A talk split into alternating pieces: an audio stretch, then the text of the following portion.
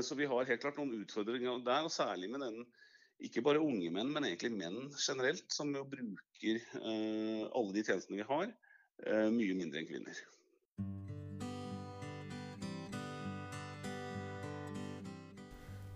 Hei og velkommen til en ny episode av Selvmordspodden. Poenget med denne podkasten er at ikke én til skal velge selvmord. I dag er du her med Anne Gillibrekke. Og Kine Reinersen. Vi har valgt å ha hovedfokus på unge menn som er usynlig deprimerte. Og det vil jo si at det er ingen som vet at de sliter med vonde tanker, og at de ikke klarer å snakke om det til noen. Vi fokuserer på historier, og du møter mange forskjellige mennesker her i podkasten som har tanker rundt temaet selvmord. I dagens episode skal vi møte Fredrik A. Valby. Han er spesialist i klinisk voksenpsykologi, og han er også forsker ved Nasjonalt senter for selvmordsforskning og forebygging. I tillegg er han leder av et nasjonalt kartleggingssystem for selvmord i psykisk helsevern og tverrfaglig spesialisert behandling. Han har over ti års erfaring fra akuttpsykiatrisk avdeling samt psykiatrisk legevakt. Han har også vært sentral i utarbeidelsen av nasjonale retningslinjer for forebygging av selvmord Så i psykisk Fredrik helsevern. Valby, um, du er selvmordsforsker. Kan du fortelle oss litt om hvorfor og hvordan du valgte akkurat denne spesialiseringen? Eh, ja, det kan jeg gjerne gjøre. Eh, først kan jeg si takk for at jeg ble invitert til å snakke med dere. Det var veldig hyggelig. Ja, Uh, nei, altså Litt hva skal jeg si, litt interessant. Jeg har jo holdt på med dette veldig lenge. Og det er faktisk ikke mer enn andre gangen jeg får det spørsmålet. Uh, om hvorfor akkurat det var selvmordsforsker jeg ble. Det kan jo kanskje høres litt sånn veldig Vi er jo ikke veldig mange. og det kan jo høres ut kanskje som en litt uvanlig eller litt rar eller litt vanskelig ting å bli. Ja. min innfallsvinkel var jo Jeg er jo psykolog i utgangspunktet og jobbet i veldig veldig mange år i psykisk helsevern. Både ja, fra tidlig ungdom, liksom, men også som, som, ferdig psykolog. Og i psykisk helsevern så behandler man jo uh, personer som har en veldig høy selvmordsrisiko. Mm. Uh, og alle som jobber i det systemet, kommer jo på en måte veldig fort i kontakt med uh, både selvmordstanker, mennesker som skader seg selv eller som gjør selvmordsforsøk, og også mennesker som dør i, i selvmord. Mm. Så det var jo Det var jo min vei inn. og vakte jo veldig fort min interesse, på en måte, for det, for det er viktige ting. Og, uh, og, det er også sånn, ja, hva skal jeg si, det er liksom i kjernen av mye av det man jobber med i psykisk helsevern. Mm. Men Hvor lenge har du holdt på med akkurat dette temaet her? Hvor langt tilbake går det? Ja, jeg har holdt på med det sånn i, rett i overkant av 20 år. Okay. Men i litt forskjellige sammenhenger. Jeg har på en måte da vært eh, tilknyttet uh, Nasjonalt senter for selvmordsforskning i faktisk litt over 20 år. Mm -hmm. Men jeg har jo lange perioder så har jeg hovedsakelig jobbet klinisk og jobbet med pasienter i akuttpsykiatrien særlig. Og så gjort forskning litt sånn i en bistilling, da. Men nå er jeg forsker på heltid. Det er jo også, Ditt navn kom jo opp i forbindelse med en uh, artikkel i Lillesandsposten, hvor uh, både Frode Strømman og jeg var intervjua pga. våre erfaringer med selvmord i familien.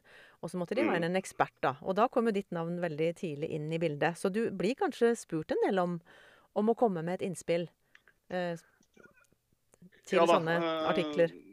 Ja da. Eh, det er veldig mye kontakt med, med media eh, og vært over lang tid. og det har jo gradvis vært en, en økt åpenhet om hele selvmordsproblematikken i samfunnet. Mm og ikke minst i media. Det har jo, ja, det har jo pågått over mange mange år, det. Men kanskje særlig da etter dødsfallet til Ari Behn, så har det jo vært et veldig trøkk.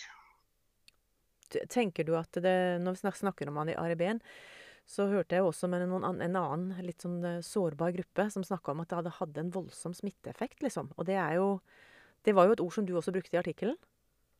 Ja, så det er jo for tidlig. Vi har ikke noe data enda i Norge på, um, på om uh, Ari Behns selvmord har ført til en smitteeffekt. Det tror jeg det er altfor tidlig å si. Uh, men det fikk jo, uh, kanskje også egentlig naturlig nok, veldig stor oppmerksomhet. Um, samtidig så var det jo egentlig, syns jeg, da, og det er jo det jeg har kritisert litt, at det var lite av selvmordsproblematikken som var framme i de endeløse oppslagene. Da var det på en måte mest sensasjonen og og glorifiseringen. Ja. Og så endret jo det heldigvis seg, synes jeg, i forbindelse med, med begravelsen og, og, denne helt unike talen til Molagerica, som jo eh, satt dette mye mer inn i en kontekst. Så det måtte en 16-åring til på en måte for å få stagga kanskje media litt, og få litt mer fokus på at dette er ikke greit? Ja, altså jeg tenker jo dette var jo helt sikkert godt planlagt av, av kongehuset. Eh, og en veldig fin Selvfølgelig en helt håpløs situasjon for det, men, men en veldig fin håndtering av en, ja, en, en kjempevanskelig uh, situasjon. da. Mm. Uh, men fram til det så ble det jo liksom veldig lite snakk om hva er det som egentlig ligger under uh, det med at man enten har selvmordstanker eller, eller, faktisk dør i selvmord. Og det kom jo tydeligere fram. Det gjorde det? Ja, akkurat den delen syns jeg var, det var veldig fint. For det, for det vi må vi må bli flinkere til å snakke om eh, på en måte hva som ligger under eh, disse alvorlige problemene. Og ikke minst, hvis vi ikke snakker om liksom, hvordan dette henger sammen, så blir det så vanskelig å snakke om hva vi kan gjøre med det òg. Mm. Ja, for det er jo noe av det som vi holder på med. at vi, Jeg vet at vi har satt oss et hårete mål, og vi snakker om ikke en til. Vi har tatt den hashtaggen. Mm. Altså Trygg Trafikk satte jo null skadde, null døde i ulykker. ikke sant? Du setter deg et sånt mål som, du, som gjør at du setter inn et ekstra gir. fordi at det, er ikke akseptabelt at det er en utvei, liksom. Det er jo sånn som vi tenker at dette her skal ikke være en sånn ja, jeg kan prøve det og det og det, og så har jo alltid det som en reserveløsning. Mm. Eller som et reserveutgang. Mm. Og, og Hva tenker du om det? Nei, Det er veldig mange ting man kan si om dette. Men uh, den litt manglende åpenheten, da, eller den manglende åpenheten som vi har hatt om dette temaet i alle år, um, det har jo selvfølgelig også gjort at uh, både oppmerksomheten i samfunnet og ikke minst uh, interessen for for forebygging har vært altfor liten. Ja. Så, sånn sett så tenker jeg helt at en, en økt åpenhet er liksom en forutsetning for å kunne gjøre noe mer med problemene. Så bra å høre, da. At det er viktig, i hvert fall. Ja da. Og vi kan kanskje snakke litt om smitteeffekten. Um, for det ja. er veldig, sånn, det er veldig godt dokumentert at uh, det er en smitteeffekt ved uheldig omtale av selvmord. Uh, særlig da hvis man fokuserer veldig mye på både metode, det er én ting, men også dette med enkle forklaringer, romantisering og glorifisering og sånne ting. Mm. Men er ikke det forbi sånn litt spesielle miljøer at det er Vi har fått veldig klare retningslinjer på at metoder snakker man ikke om. Nei. Og heller ikke den type glorifisering. Men det har jo vært en del sånne grupper som har på en måte funnet et type Hva skal man kalle det for noe fellesskap, nesten, i sånne tanker. Ja da, men, men, og de gruppene blir jo på en måte enda mer skjult og enda mer stigmatiserte hvis vi ikke har en åpenhet rundt det. Mm. Eh, men samtidig så er det jo også sånn at eh, smitteeffekten er, den er viktig fordi den, eh, når man kommuniserer om dette offentlig, da, særlig i media, men også i sosiale medier, så når man jo potensielt mange mennesker. Men selve smitteeffekten er ikke veldig sterk, så den er litt misforstått. Ja. Hvis du skjønner meg riktig. Det er en smitteeffekt, men, men uh, det er jo ikke først og fremst smitte som gjør at noen uh, dør i selvmord. Uh, men det kan utløse og forverre situasjonen. Det er der problemet ligger? Ja, og i Norge så er jo tradisjonelle medier er jo stort sett veldig flinke på dette. Så det har vi hatt ganske god kontroll over i alle år, men vi har vel kanskje heller vært um, for lite flinke til å løfte temaet fram i offentlighet. Og det kan man gjøre så lenge man tar noen forholdsregler og gjør det på en, på en trygg måte. Mm. Men hvis vi går litt videre og ser på i forhold til andre land og sånn, hvor, hvor, godt syns du vårt tilbud på selvmordsforebygging og behandling av mennesker med depresjoner og sånn er i Norge? Eh, tja, det er et ganske vanskelig spørsmål.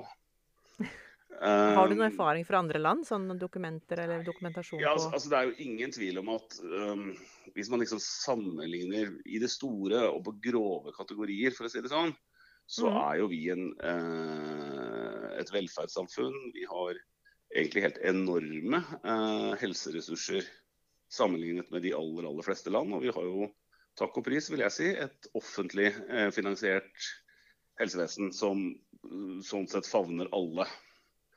Og, og, det er bra. Men når det er sagt, så, så, er det jo spørsmål klarer vi å både ha god nok kvalitet i de tjenestene vi har, og ikke minst klarer vi å treffe de som trenger det, når de trenger det. Og Der tror jeg nok vi, vi med alle de ressursene vi har, kan bli enda flinkere. Mm. Vi har jo litt fokus på um, unge menn som ikke snakker i det hele tatt, som ikke er innenfor nettverket, liksom. Ja. Så det er jo hvor, å finne ut av hvordan kan du få tak i dem, og hvordan kan de få hjelp der og da? Uten, for mange av de har jo det stigmaet at de skal ikke til noen psykiater eller noen sånn psykiatrigreier. Jeg tror, Så- ja, og jeg tror kanskje for mange så begynner det nesten før der, ja, at man vet ikke helt hva som skjer, og man vet ikke hva dette er. Um, og hvis du ikke har noen særlige ord på det du sliter med, og eh, tenker at det er ingen andre som har det sånn, og tenker kanskje også at dette går det ikke an å få noe hjelp for, eh, hvorfor skal du da i det hele tatt søke hjelp? Mm. Eh, Så vi har helt klart noen utfordringer der, og særlig med den ikke bare unge menn, men egentlig menn generelt, som jo bruker eh, alle de tjenestene vi har, eh, mye mindre enn kvinner. Så det er et fakta. Sånn, Ja, det er, og det gjelder både i kommunehelsetjenester, fastleger og spesialisthelsetjenester. Um, Mm. Vi har jo nå, Jeg leder jo det som heter Nasjonalt kartleggingssystem for selvmord i psykisk helsevern og TSB på fint. Og Ja. vi har jo nå fått fram tall for første gang i Norge som jo viser at vi når omtrent halvparten eh, av de som dør i selvmord, eh, med kontakt med spesialisthelsetjenesten før de dør. Okay. Og det er jo mye mer enn andre land, fordi at vi har mye større systemer og vi har mye mer ressurser. Og det, det er jo utgangspunktet bra. Eh, men så er det spørsmål, da. hvordan skal vi nå enda flere? Og der når vi, der når vi mye færre menn enn kvinner. Majoriteten, Den store majoriteten av kvinner som dør i selvmord i Norge, de har vært i kontakt med spesialisthelsetjenesten. Men sånn er det ikke for menn. Nei, så der ligger det en forskjell. For du sa Ja. vel et eller annet om det, at det var 90% eller et eller annet sånt som hadde vært eh, Hadde psykiske problemer, sa vel du i den eh, artikkelen din. Ja, og det er også et sånn veldig godt eh, dokumentert funn i forskning. Men det betyr ikke nødvendigvis at de var i kontakt med noen hjelpetjenester uh, før de døde. Men eh, og vi ønsker jo én måte å forebygge på, er jo å sørge for at flere kommer i kontakt med tjenester som kan gi god hjelp. Har du, noe, har du noen forslag som konkrete, hvis folk sitter og, og kjenner seg igjen at vet du hva, jeg har disse tankene. Hvor kan jeg gå, liksom? Uten at jeg liksom blir eh, stigmatisert, eller uten at noen får vite om det. For det er mange små plasser rundt om i Norge hvor det er grusomt flaut å skulle gå inn en dør der du kan bli ja, identifisert som noe annet enn det du ønsker, da. Ja, uh, nei, altså Der er vi jo også litt tilbake til der vi begynte, for å si det sånn, altså med, med åpenheten. Mm. Fordi alle som jobber i helsevesenet, de er vant til å snakke med mennesker som sliter psykisk. Uh, sånn at den som skal være hjelper, uh, den er nødvendigvis ikke ukjent med disse problemene. Men for den som søker hjelp, så kan det jo virke som jeg er den eneste. Liksom. Ja.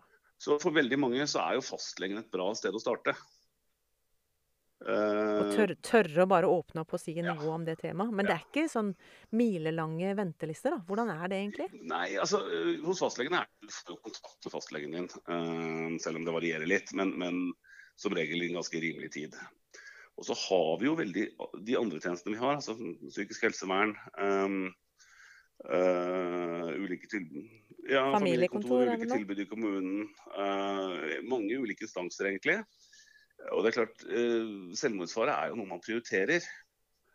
Så det er nok ikke riktig sånn at det er umulig å få innpass i disse tjenestene. Eh, Det, det tenker jeg er ganske feil, og det kan være litt farlig å si. Eh, Men mange Mm. tenker jo det. altså man, Det er jo fokuseres jo hele tiden på ventelister, eh, avvisninger osv., som er et problem, og som det jo jobbes med. Men er det snakk om akutte selvmordstanker hos mennesker som ikke har hatt det før, f.eks., så, så vil man få rask hjelp og hos fastlege, hos legevakter og i, i psykisk helsevern. Mm. Vi har jo også et fokus inn mot eh, etterlatte Ja. i Selvmordsbåten. De som opplever enten søsken, foreldre eller eh, barn veldig nærme som tar sitt eget liv, eller som begår selvmord. Det apparatet som er rundt de, det er jo litt sånn som jeg har oppdaga i etterkant av at jeg mista min sønn. Og stadige henvendelser fra mennesker som sier vi, vi får Mm. ikke noe oppfølging, vi. Altså er, hvor, hvor skal vi gå oppi dette her? Og det er jo et, en, eh, en fullstendig snudd på hodet-situasjon for familiene. Har du noe input på dette? Det er jo helt åpenbart at vi har en vei å gå eh, også der. Eh, og litt det samme tenker jeg som, som, som med, med hjelp til de som sliter, så er det noe med systematikken og kvaliteten. Og Det er gjort mange undersøkelser, litt gamle nå, men i Norge, på at eh, etterlatte føler at de får for lite systematisk oppfølging. Og de føler at de får altså, for lite opp oppsøkende hjelp. og en rekke andre ting. Eh, det er jo helt åpenbart at for alle nærstående, og for øvrig for mange andre òg, så, så, er jo et selvmord eh, et voldsomt traume. Og jeg tror det er utrolig viktig at vi blir mm. Eh, flinkere til å ha et systematisk eh, opplegg. Sånn at vi sikrer at alle får noe. Jeg har jo hatt sånn der drøm. Jeg har jo aldri visst hvordan dette fungerte fra innsida sjøl, mm. men jeg har snakka med ganske mange nå. Og så tenker jeg, hadde det vært mulig å ha én person som når, når, det skjer et selvmord, at ikke du blir liksom henvist til 15 forskjellige kommuner hvis du er spredd rundt omkring. ikke sant? Det er én person som sier vet du, jeg tar oppfølging med denne familien. Og da kan det like gjerne være bare telefonsamtaler eller et eller annet sånt. Men ja, nå er, er det din sønn som, som, sliter, ikke sant. Nå er det dattera di, eller nå er det Jeg hørte dette her. Skal jeg, skal jeg skaffe en time for deg? Skal jeg ordne med et eller annet? Altså mer sånn praktisk hjelp. Det er iallfall sånn det som jeg har funnet ut av, av den lille forskninga vi har gjort her, at det er et kjempeproblem. Du får masse telefonnummer. Du tenker at det er et svært apparat rundt, og så er det egentlig ja, veldig lite. Ja, Og så er det kanskje ofte for dårlig koordinert. sånn at hvis du ikke vet mye fra før om hvordan helsevesenet eh, fungerer, så er, blir det for tilfeldig eh, hva den enkelte får.